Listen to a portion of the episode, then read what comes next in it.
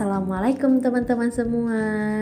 Udah pada kangen belum nih dengan podcast Maskara? Pasti kangen banget ya. Uh, makasih. Maaf nih, untuk beberapa waktu yang lalu kita nggak bisa upload podcast ya Karena ada sesuatu hal yang lain.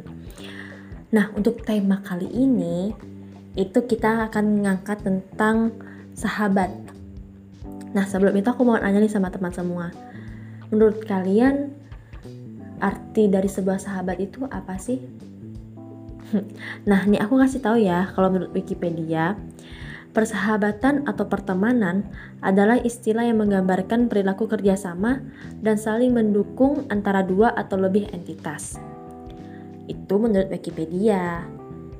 Sekarang, menurut pandangan orang-orang, Nih, aku tadi udah survei ke beberapa teman aku nih mengenai definisi sahabat. Dan mereka ngejawab dengan versinya masing-masing. Dan aku rangkum menjadi bahwa definisi sahabat itu adalah orang yang akan selalu ada di dekat kita.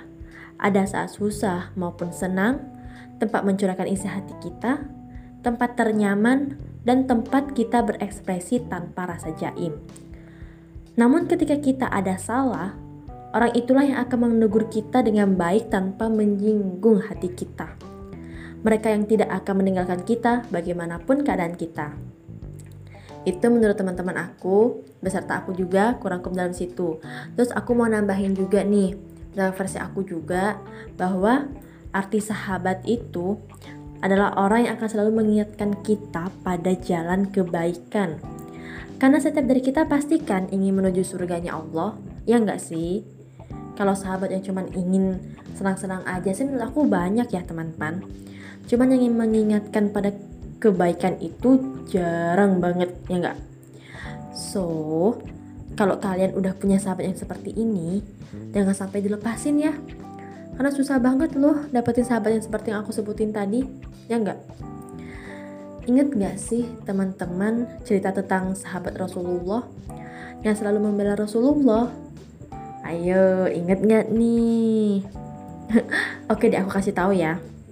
Bahwa salah satu cerita yang terkenal tuh waktu Nabi Muhammad Wasallam selesai dari perjalanannya, yaitu Isra Mi'raj. Terus yang pertama sekali membenarkan dan mempercayai serta mendukung kebenaran dari Isra Mi'raj itu yaitu Abu Bakar nih teman-teman. Nah, dari cerita ini pun kita bisa mencontoh sifat dari Abu Bakar bahwa seorang sahabat selalu ada dan mendukung sahabatnya bagaimanapun keadaannya.